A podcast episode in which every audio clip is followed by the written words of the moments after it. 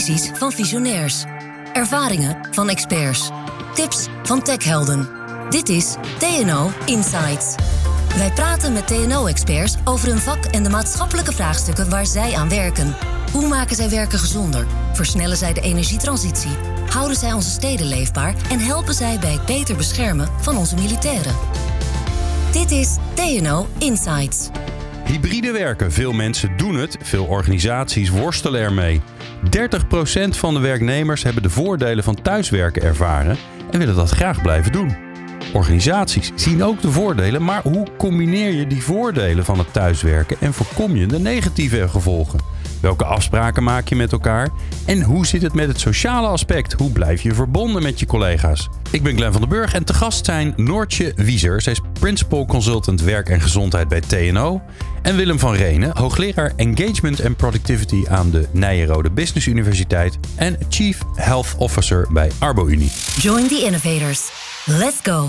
Fijn dat jullie er allebei zijn, uh, Willem en Noortje. Ja, we praten er zoveel over, maar ik, ben altijd, eh, ik heb altijd geleerd, je moet altijd scherp krijgen waar je het over hebt. Dus wat is hybride werken, Willem? Laten we daar eens beginnen. Nou, hybride werken is eigenlijk, uh, zo wij als uh, eronder staan, is eigenlijk plaats- en tijd onafhankelijk werken. En dat betekent dat je en thuis werkt, of gewoon op kantoor zit, of ergens anders.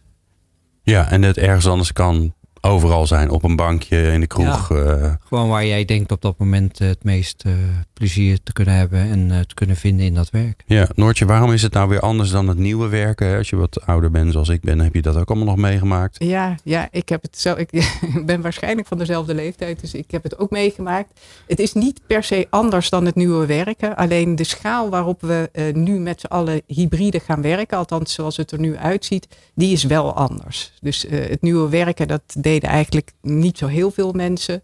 Uh, maar we gaan nu, uh, uh, ja, als, het, als, het, als de trend zich doorzet, dan gaan we met, met een veel grotere groep en veel meer hybride werken dan, dan voorheen. Oké. En dat, dat heeft allerlei gevolgen, niet alleen voor het werk, maar ook voor, voor allerlei andere maatschappelijke factoren. ja. ja. Nou kan ik me voorstellen, um, omdat natuurlijk iedereen is daar nu mee bezig en is aan het zoeken naar van ja, maar hoe werkt het allemaal precies en hoe krijgen we die balans? Hè? Want we hebben met z'n allen natuurlijk in coronaperiode en masse thuisgewerkt omdat het niet anders kon.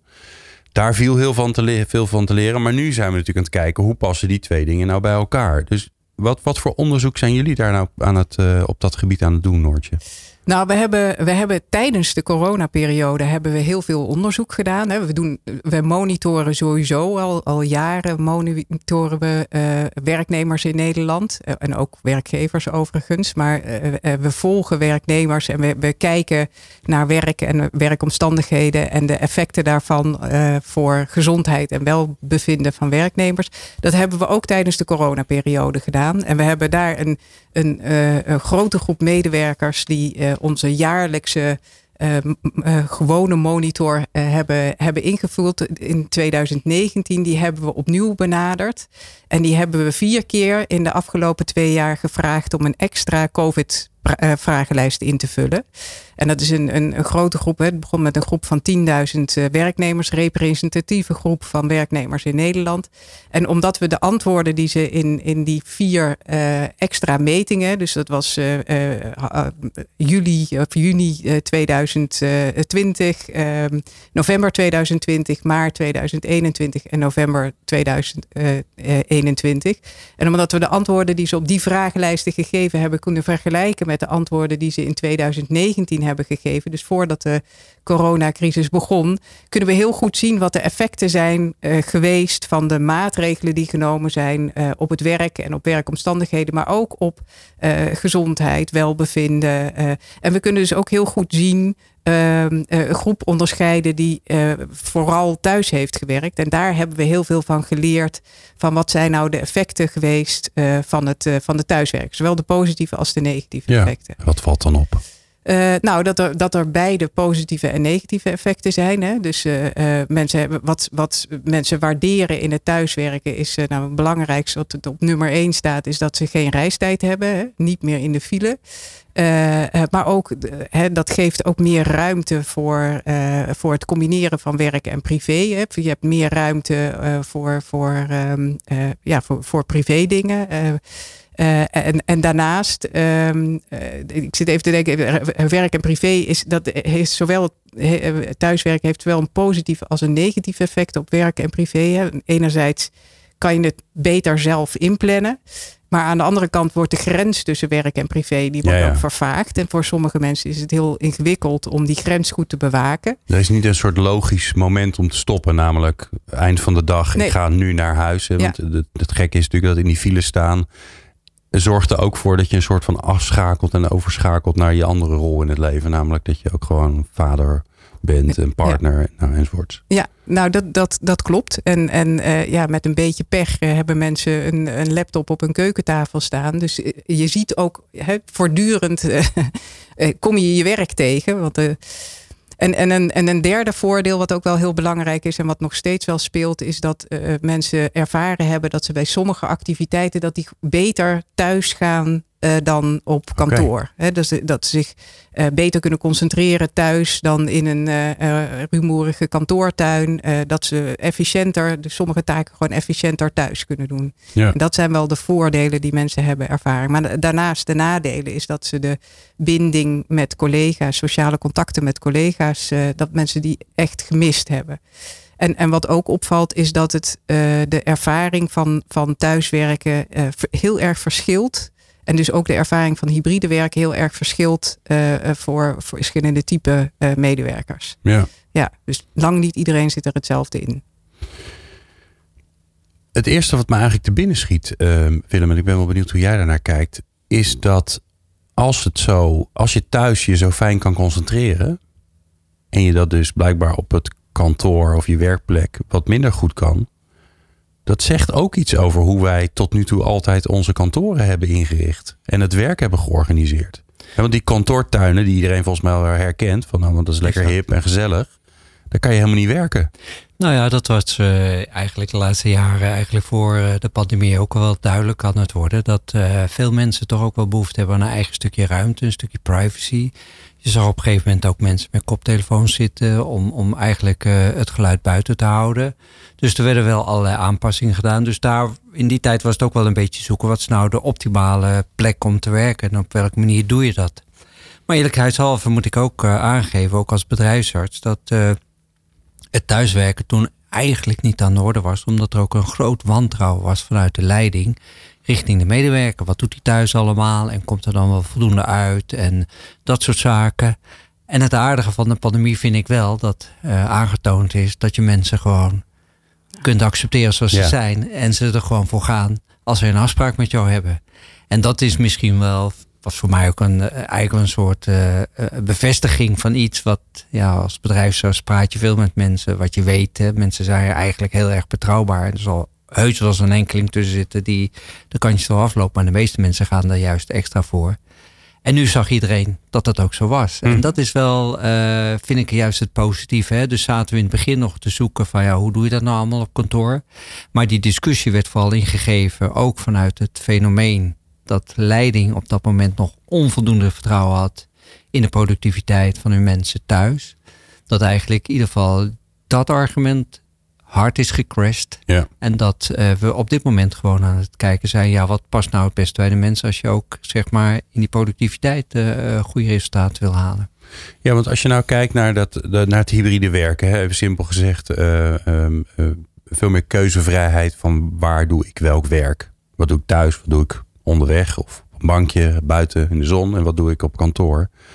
Wat zijn de, wat zijn de invloeden daarvan op de, op, de, op de arbeidsomstandigheden? Want als ik naar mezelf kijk, ik zit inderdaad regelmatig aan de, kant, aan de, aan de keukentafel uh, te werken, half schuin op een niet al te geschikte stoel. Ja.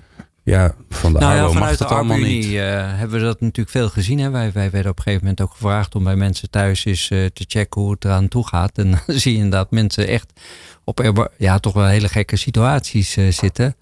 Nou, daar help je dan wat mee. Maar dat is dan één ding, hè? de technische kant van het verhaal. Maar is het überhaupt een probleem gebleken? Want dat is natuurlijk, hè, de, de aanname is, dan gaat het mis. Maar is dat ook gebeurd? Nou ja, Zie kijk, je dat gebeuren? Ja, nou ja, als mensen onvoldoende uh, geholpen worden door hun werkgever in het verbeteren van die werkplek, krijgen mensen echt wel klachten. Dat zie je Ja, ook ja. wel. Maar het is niet alleen een technisch verhaal. Hè. Het gaat niet alleen om een bureau en een, een, een, een, een, en een stoel, een goede stoel waar je zit en een goede laptop uh, waar je op moet kunnen kijken, bijvoorbeeld. Um, maar wat mij ook opviel was dat ook een aantal psychosociale factoren ineens uh, uh, klem kwamen te zitten. En één, een, een heel simpel voorbeeld was dat iemand zei: Ja, ik zit hier alleen maar tegen een, een, een, een witte muur aan te kijken. En ik word er helemaal triest van. Ja. En het aardige wat ik toen zei, wat ik me nog kan herinneren, ik tegen haar zei: van, Ja, maar waarom, waarom hang je daar niet een paar mooie foto's neer dan? Of, of, of uh, gewoon een, een, een, een, bosje bloemen op je bureau of zo, hè? waardoor je wat vrolijker, uh, gewoon in een wat vrolijker context zat, zit. Nou, de volgende dag keek ik inderdaad van haar mailtje terug. Van, ja, verrek. en het aardige was dat ze daar zelf niet over na had gedacht. Hè. Dus dat kwam waarschijnlijk, zo reconstrueer ik dat voor mezelf, dat zij gewoon die werksituatie helemaal overnam naar haar thuissituatie. Ik ga hier zitten. En in je werksituatie wordt er ook niet van je verwacht dat je daar bloemetjes neerzet of dat je daar allerlei foto's gaat neerhangen. Feitelijk is het gewoon, je gaat zitten, je gaat werken. En eigenlijk had ze die situatie helemaal meegenomen naar haar thuissituatie. En dan zie je dus dat mensen wel wat in de knel kunnen komen. Ja. Omdat, ja, het is gewoon anders. En dat is wel, het hybride werk is fundamenteel anders dan het kantoorwerk wat je thuis doet. Ja. Ja. Ja, maar dat is natuurlijk een, een andere eh, interessante vraag. Hè? Want we, we hebben het net even gehad, eh Noortje, over die, die fase dat we vooral thuis waren. Ja. Nu is natuurlijk een nieuwe fase aangebroken dat we, ja, we hebben weer de ruimte om op kantoor te werken. En als het een beetje mee zit, ook thuis. Als je naar de files kijkt, vraag je je af of er nog iemand thuis werkt. Maar blijkbaar is dat toch zo, Ja. gelukkig. hebben wij met elkaar, hebben we eigenlijk wel de mogelijkheid, hebben we wel de, de skills om dat te kunnen? Want het is natuurlijk veel makkelijker, gewoon te technisch gezien, om gewoon s ochtends te denken: oké, weet je, ritueeltje, bababa, boterhammetjes smeren huh, in de auto of in de trein of op de fiets. En ik ga naar kantoor, dan ga ik werken, en dan werken, en dan ga ik naar huis. Of ik ga, ik doe hetzelfde en ik daal af naar mijn kelder of ik stijg op naar, de, naar, Ja. de, naar de zolder. Nu, moet- nu, nu moeten we gaan kiezen. Dat Ja. vinden we toch ingewikkeld als mens. Ja. Ja, dat, dat is de- als mens en als organisatie. Hè, wij, wij volgen samen met, de met de Arbo-Unie eh, volgen wij nu ook een aantal bedrijven die bezig zijn met een transitie naar hybride werken. Want dat, dat is het eigenlijk. Hè. De bedrijven zijn eh, echt in een overgangsfase op dit moment. Eh, en, en, en we moeten dus met elkaar gaan leren hoe we dit gaan doen. En, eh, en dat kan eigenlijk omdat het op, op de schaal waarop het nu plaatsvindt, ook binnen bedrijven, nog niet eerder is ge- gebeurd. Hebben we ook niet echt. Hè, want de vraag die wij vaak krijgen is: hebben jullie onderzoek waar hè, kunnen jullie op basis van onderzoek zeggen hoe we het moeten inrichten en wat we moeten doen en wat we niet moeten doen? Maar Ja. dat onderzoek is er eigenlijk niet. Eh, hè, we, we- kunnen heel veel zeggen op basis van wat we in de afgelopen twee jaar hebben geleerd. Maar we, we, we kijken nu met z'n allen naar hoe hè, we moeten dingen gaan uitproberen. En, eh, en daarvan hè, dat goed monitoren, daarvan leren eh, en, en, en, ons, en dan dingen aanpassen als het niet, niet goed loopt. Hè? Dus dat, Ja. dat, dat, is, dat is de situatie waar we, waar we nu in zitten. En ja, je ziet dat, dat hoeveel mensen werken er nu thuis. Je ziet dat, een, eh, dat wel eh, het aantal mensen dat regelmatig ook op kantoor werkt, dat neemt toe. Eh, zien we als we, als we de, de verschillende metingen bekijken van de afgelopen maanden. Maar je ziet ook een klein groepje mensen die in de afgelopen periode best af en toe op kantoor heeft gewerkt, dat die weer terug naar huis zijn gegaan omdat ze, ja, ineens komen al die collega's weer terug en is het weer ru- rumoerig op kantoor. Ja.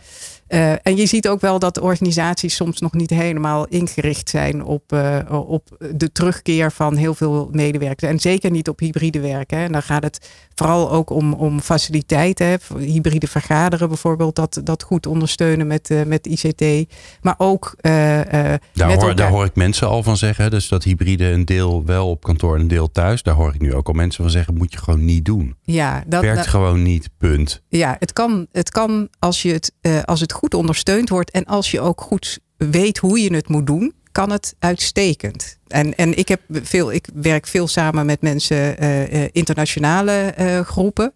En uh, nou, daar hebben we afgelopen de tijd hebben we, we hebben nog nooit zoveel contact met elkaar gehad. Via, want dat is natuurlijk veel makkelijker te regelen als je dat online kan doen uh, dan, dan als je elkaar fysiek moet ontmoeten, wat we voorheen deden. Maar ook nu in hybride settings. Nou, dat gaat eigenlijk uitstekend. Als ja. je goede apparatuur hebt en ook, hè, want een hybride vergadering vraagt wel vaardigheden van deelnemers, maar ook vooral van de voorzitter. Uh, uh, je moet, je moet, dat is een ander soort vergadering dan een, dan een vergadering waar je allemaal ja. bij elkaar zit. Of een online vergadering. Dat zijn eigenlijk drie type vergaderingen. En daar moet je je gewoon op instellen. En dat moet je op een andere manier aansturen. Ja, maar ik vind dit wel een mooi voorbeeld. Want als er iets is waar we slecht in zijn in organisaties, is het wel vergaderen. Ja. En dan gaan we het ook nog ingewikkelder maken. Dus dit, dit, ik, ik heb een beetje het gevoel dat, dat er een soort van prachtig lonkend perspectief is, Willem. Um, heel veel ruimte, heel veel vrijheid uh, om je werk beter vorm te geven. Maar dat we dat eigenlijk nooit echt geleerd hebben. Nee, daar, daar raak je een, een, een mooi punt. Uh, hoe zijn je, je vaardigheden op dat vak, hè? je competenties? En om even een eigen voorbeeld te geven, op een gegeven moment werd er van mij ook gevraagd om meer volgens webinars te, te werken. En ik kan me nog eerste webinar nog heel goed herinneren dat ik aan die tafel zat. Dan had ik gelukkig uh, iemand bij me, net zoals jij ook, ook dit gesprek leidt. Er zat één iemand aan tafel en die legde mij uit, nou je moet goed in die camera kijken. En daarachter zitten dus tientallen, misschien wel honderden mensen. Nou, en hoe ik ook zat te kijken, ik zag je die zag mensen niet. niet. Nee. En ik hoorde ze niet. Ik had geen enkel gevoel bij wat er gebeurde. En ik was na die half uur, was ik totaal los. Ja, ik denk, jongen, jongen, wat is Ja. dit vermoeiend. Ik heb helemaal geen gevoel bij, is dit overgekomen? Klopt het? Klopt het niet?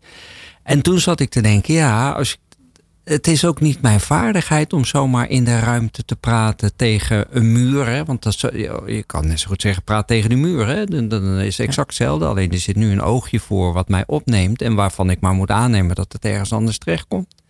Toen dacht ik, ja, dit is dus wel iets wat je moet leren. Dit is ook iets waar je eigenlijk tijd voor gegund wordt. Want ik ben ook wat ouder. Dus ik kan me ook zo voor voorstellen dat een baas zegt... ja, dat komt omdat ja, die oude mensen, oude medewerkers... die, Ja, die die snappen dat meer, allemaal nee, En die Nee. zijn moeilijk leerbaar.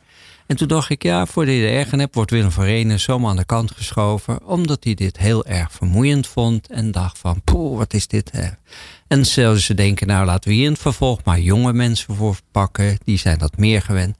En dan zie je al gelijk wat er gebeurt. En ik denk dat zijn wel de issues waar we nu op dit moment met z'n allen echt een goede weg in moeten vinden. Dat je mensen de ruimte geeft om zich te ontwikkelen in die hele nieuwe technologie. In die, dat ze vaardigheden aanleren om ook goed te kunnen bijvoorbeeld vergaderen, maar ook Ja. goed te kunnen werken. Ook met anderen. En hoe doe je dat dan? Maar het is wel gek eigenlijk, hè, dat we.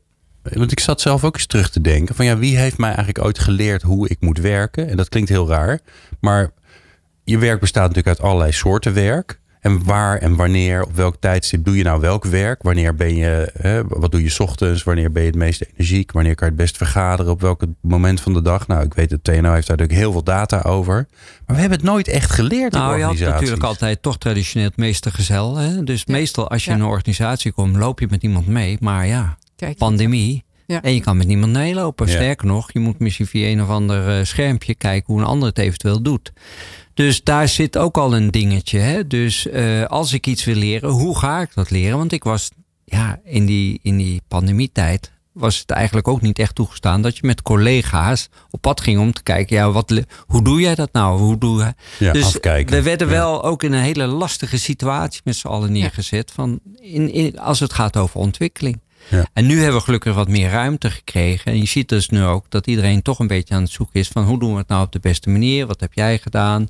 Wat zijn de methodes? En gelukkig is er ook onderzoek. En doen we samen met TNO ook eh, mooi onderzoek op dat vlak om te kijken, ja, wat worden dan de adviezen? Ja. ja, want daar wil ik eigenlijk naartoe. Ehm, eigenlijk kun je zeggen, hybride werken klinkt als een ding, maar het is helemaal geen ding.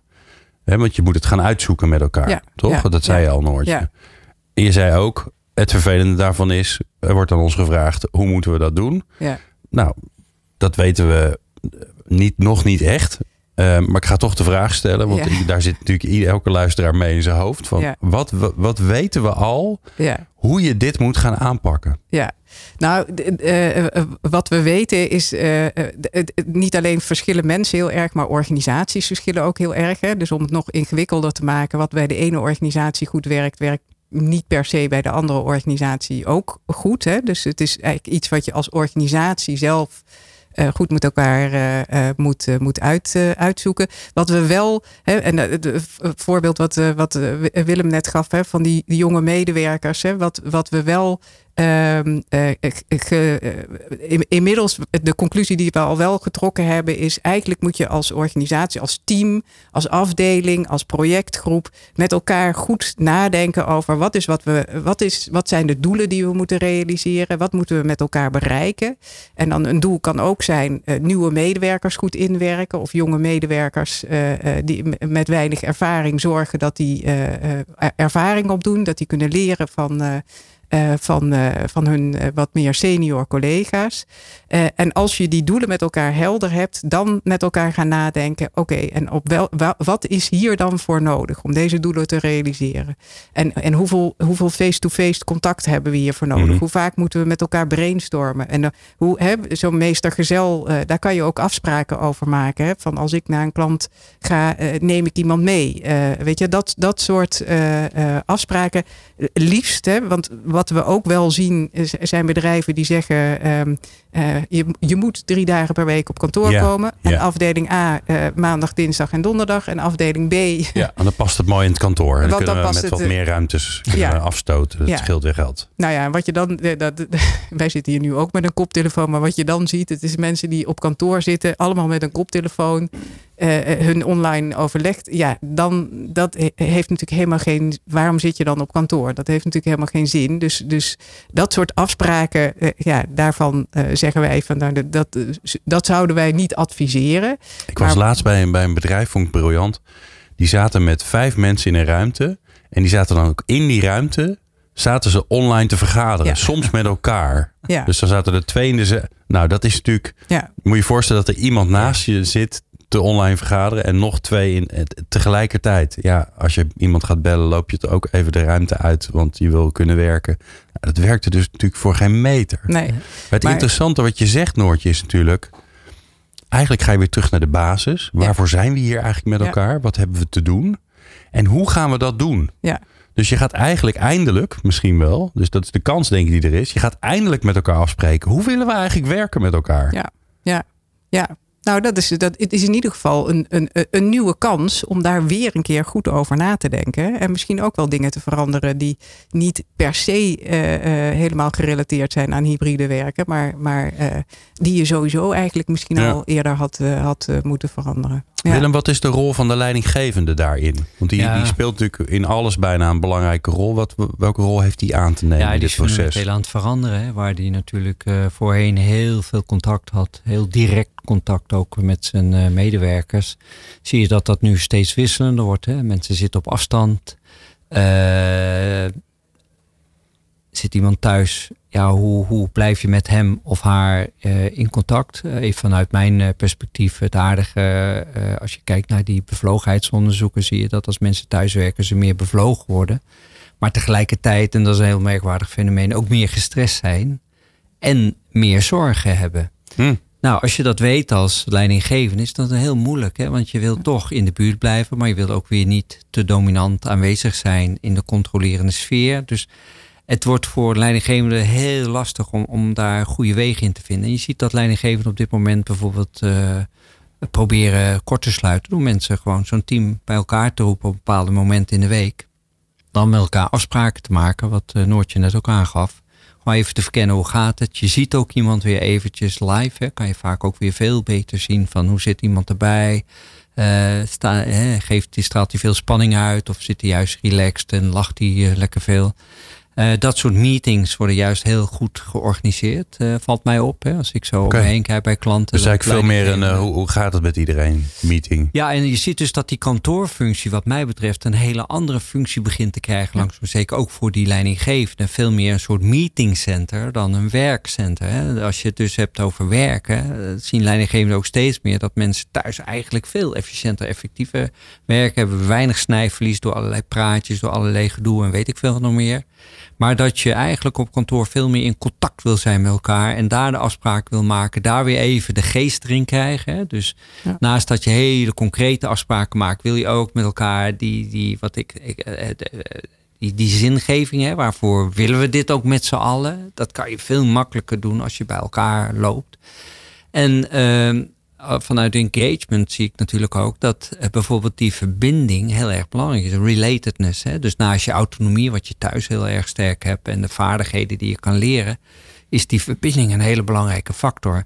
En juist als ik die onderzoeken moet interpreteren van die bevlogenheid en die zorgen die er zijn en de stress die er eventueel kan ontstaan. Je ziet bij heel veel werknemers, en ook bij mezelf, dat als je lange tijd alleen thuis zit, zit je een beetje in je eigen wereldje. Ja. En dan gaat leven. Ga je naar je collega's toe, die zeggen, joh, doe eens even niet zo gek. Het komt wel goed. Ja. Of uh, ja, maak of je daar niet zo druk over. Toch? Lotgenotencontact is ook Exact. belangrijk. Heb ik ook. Ja, heb ik ook. joh. En daardoor relativeert het heel sterk. Waardoor je denk ik...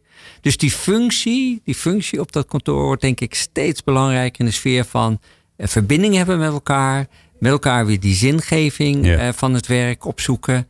Eh, waardoor ik denk dat je als leidinggevende daar ook heel anders in moet gaan sturen. En maar ook een hele andere kwaliteit in jezelf moet aanspreken. Toch veel meer, ja, veel meer de, eh, niet de verdeler van het werk, maar veel meer de, de begeleider van het werk. Veel meer, hey, hoe is het met iedereen? Eh, hè, ook, want want zo'n zo'n bijeenkomst, hè, laten we het alsjeblieft geen vergadering noemen, waarbij je eigenlijk gaat kijken hoe is het met iedereen. Ja. Die, ziet, die ziet er natuurlijk heel anders uit dan een vergadering waarbij je aan een lange tafel Exact. zit om even wat actiepunten er doorheen te jassen. Exact. En zeker Ja. als je dingen wil bereiken. Hè, bijvoorbeeld stel je loopt achter op je, op je, op je, op je targets. Hè, je kan je KPI's eh, worden onvoldoende gehaald. Dan is het natuurlijk heel verleidelijk om heel veel aandacht aan die KPI's eh, te besteden. En zeggen, oh, hoe halen we dat nou?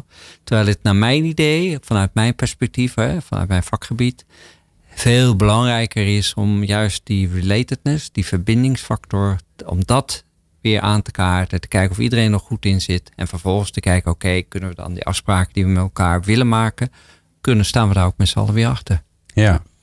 Ja, en het, en het grappige is, het is een beetje raar. Ik heb een, raar, een beetje raar beeld in mijn hoofd. Maar je wordt bijna een soort ehm, feestcommissie als manager. Dat Nou. je denkt, nou weet je, we hebben een. Stel je voor, het project is klaar of je hebt een doel behaald. KPI is wel behaald.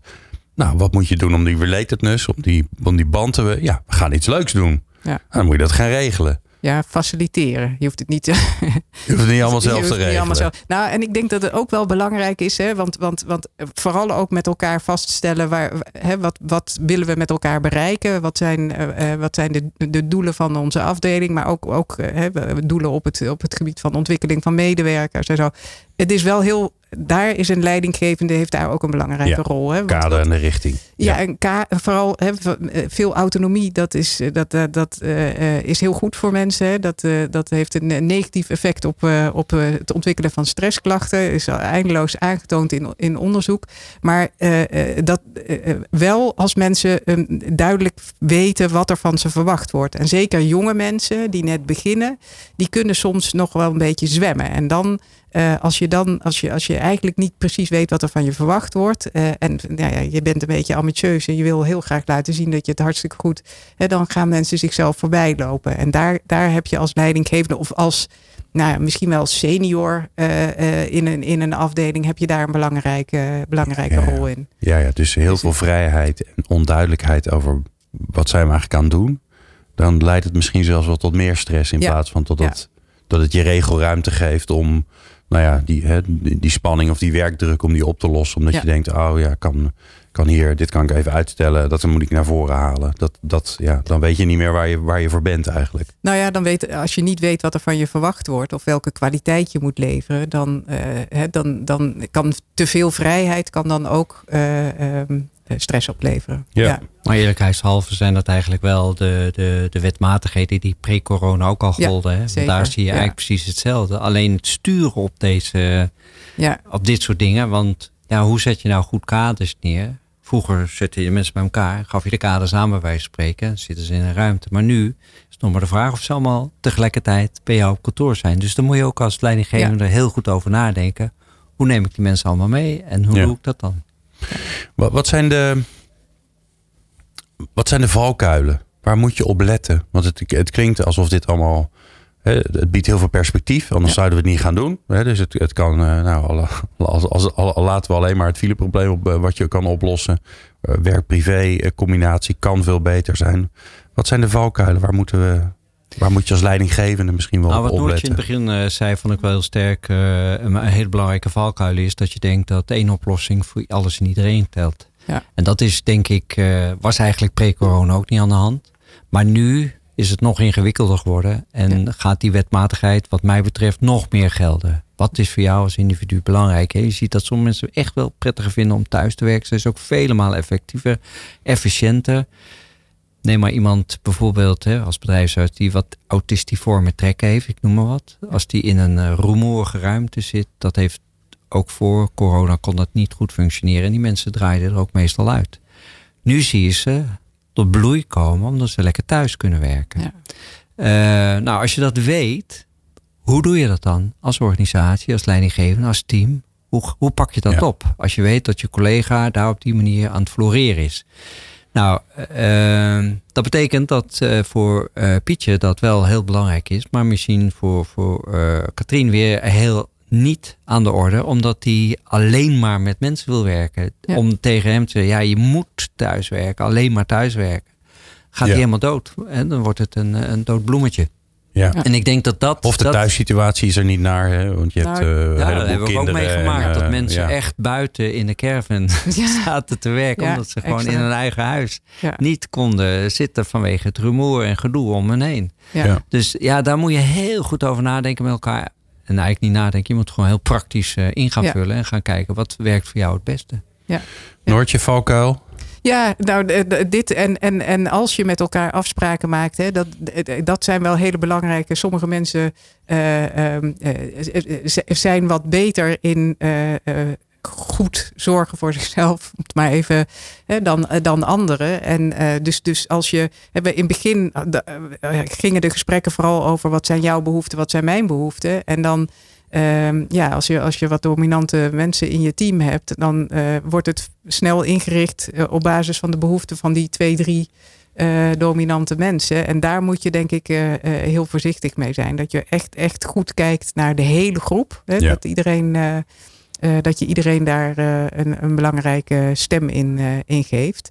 En, we, en wat een, een, groep waar we het nu nog niet over gehad hebben, dat zijn de mensen die niet thuis kunnen werken, omdat ze werkzamheden hebben die niet thuis ja, gedaan dat ze in een winkel werken of in een fabriek of ja, en, en, politie zijn. Ja, of, of zorginstellingen. En, en, um, maar die mensen die werken soms wel samen met mensen die wel thuis kunnen werken. En dat is ook een dynamiek waar je over na moet denken. dus dus, dus eh, nou ja, bij TNO bijvoorbeeld heb je veel mensen die in een laboratorium werken. Die werken veel samen met mensen die de afgelopen periode veel thuis gewerkt hebben. En het overleg daarvoor, uh, daartussen, tussen die twee groepen. Uh, daar moet je ook over nadenken. Moet je ook iets voor regelen. Moet je ook met elkaar bedenken wat is. En de valkuil is wel een beetje dat die groep die niet thuis kan werken, dat die een beetje vergeten wordt. Ja, en dat die misschien wel de dupe is, want er wordt hun werk wordt ingewikkelder. Ja, ja, ja. En, en de focus eh, en de aandacht gaat een beetje uit nu naar hoe gaan we dit thuiswerken zo goed mogelijk organiseren. Hè? Weet je wat, we, we, schaffen de reiskosten af en we maken er een thuiswerkvergoeding. Maar ja. ja, als je niet thuiswerkt heb je daar niet zoveel aan. Nee. Ja. Ik wil even met jullie een beetje door de oogharen naar de toekomst eh, gaan kijken. Stel je voor eh, dat hybride werken, het is, het is gelukt. Hè? We kunnen het vertrouwen vasthouden.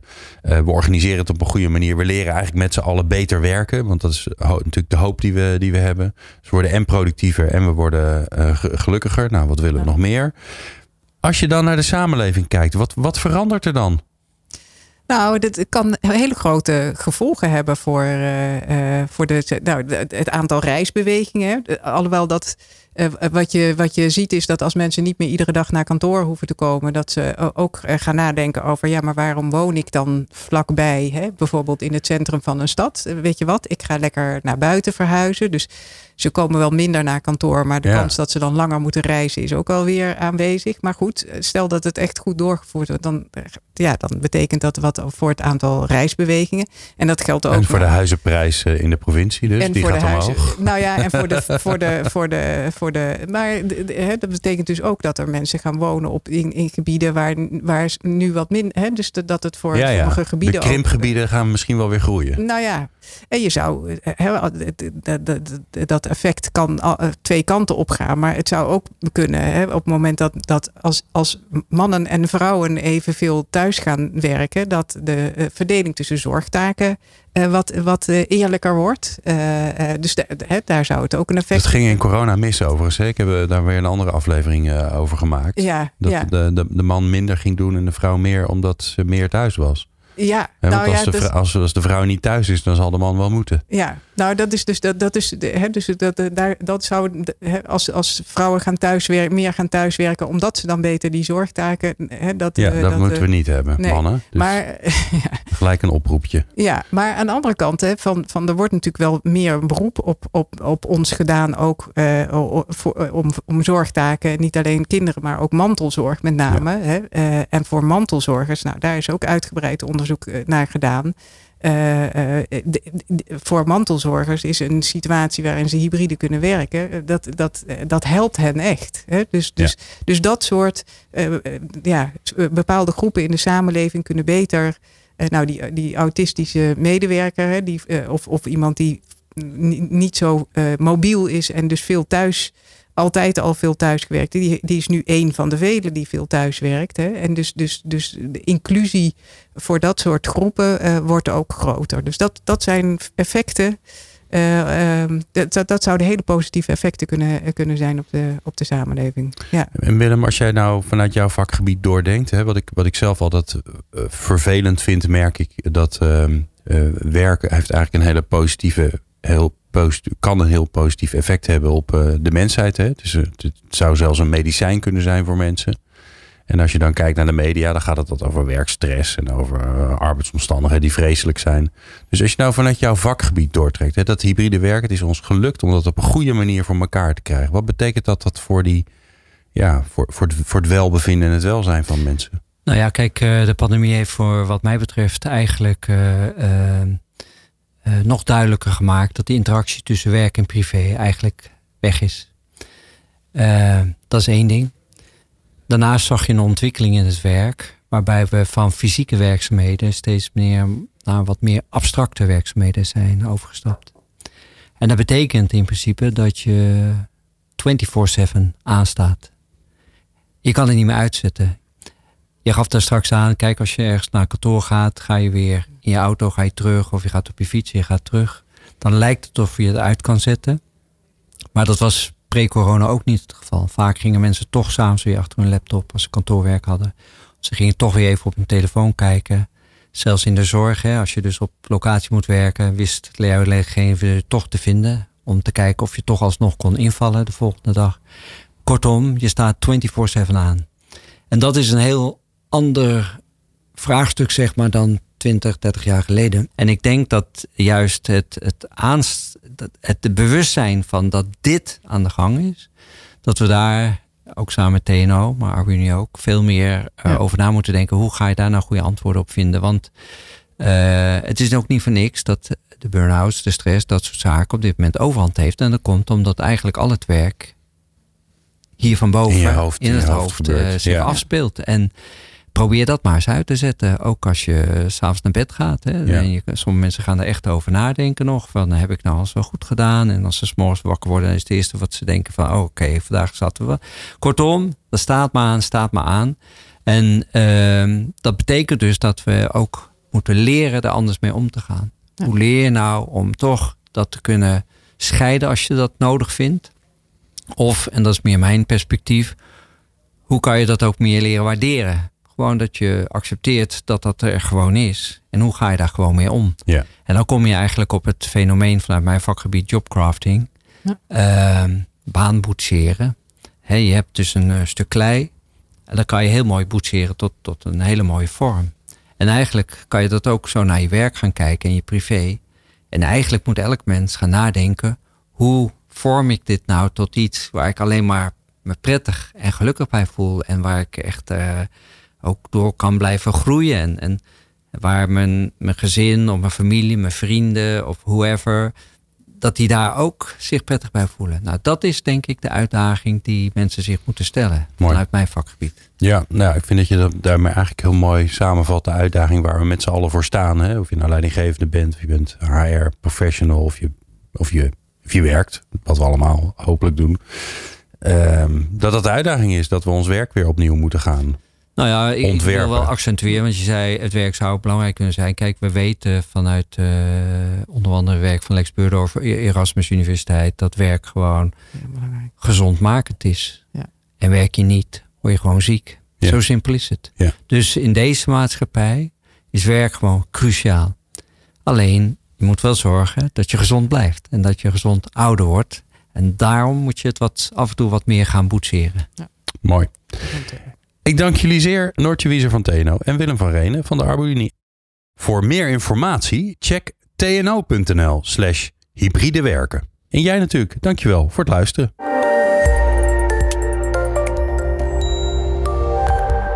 Bedankt dat je hebt geluisterd naar TNO Insights.